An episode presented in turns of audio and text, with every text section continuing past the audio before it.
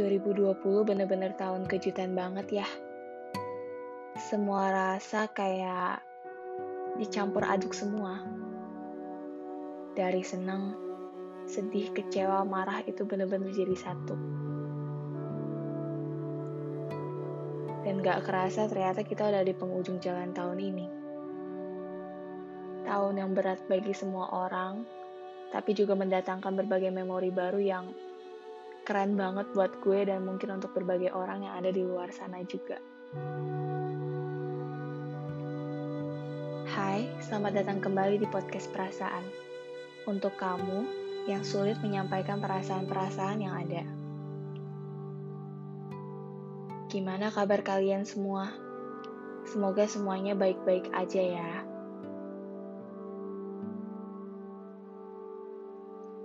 Tahun 2020 apa aja sih yang udah kita terima dari tahun ini? Hmm, pastinya sih banyak banget ya. Menurut gue, tahun ini bener-bener tahun yang penuh sama pembelajaran banget.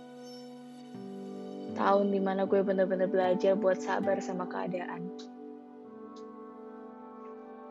Dihancurkan sama ekspektasi diri sendiri, sakit dan patah hati, insecurity, overthinking, ngerasa bener-bener hidup tuh lagi sehampa itu aja. Apalagi semenjak pandemi, karena selama beberapa bulan stay di rumah aja kan.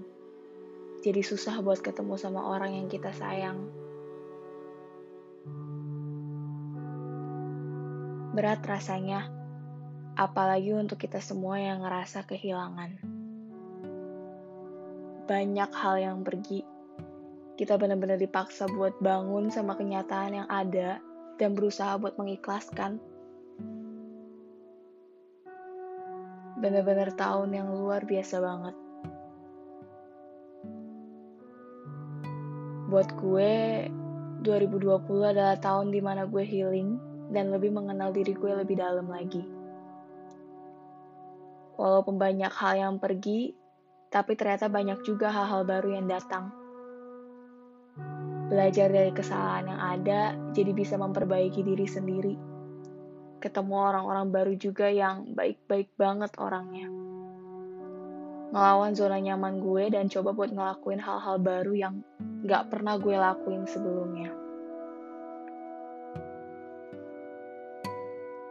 Untuk kita semua, terima kasih Terima kasih udah mau bertahan sampai sejauh ini.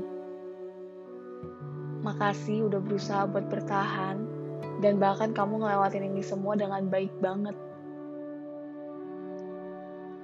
Kita semua keren banget bisa melewati tahun ini dengan baik. Bangga banget deh.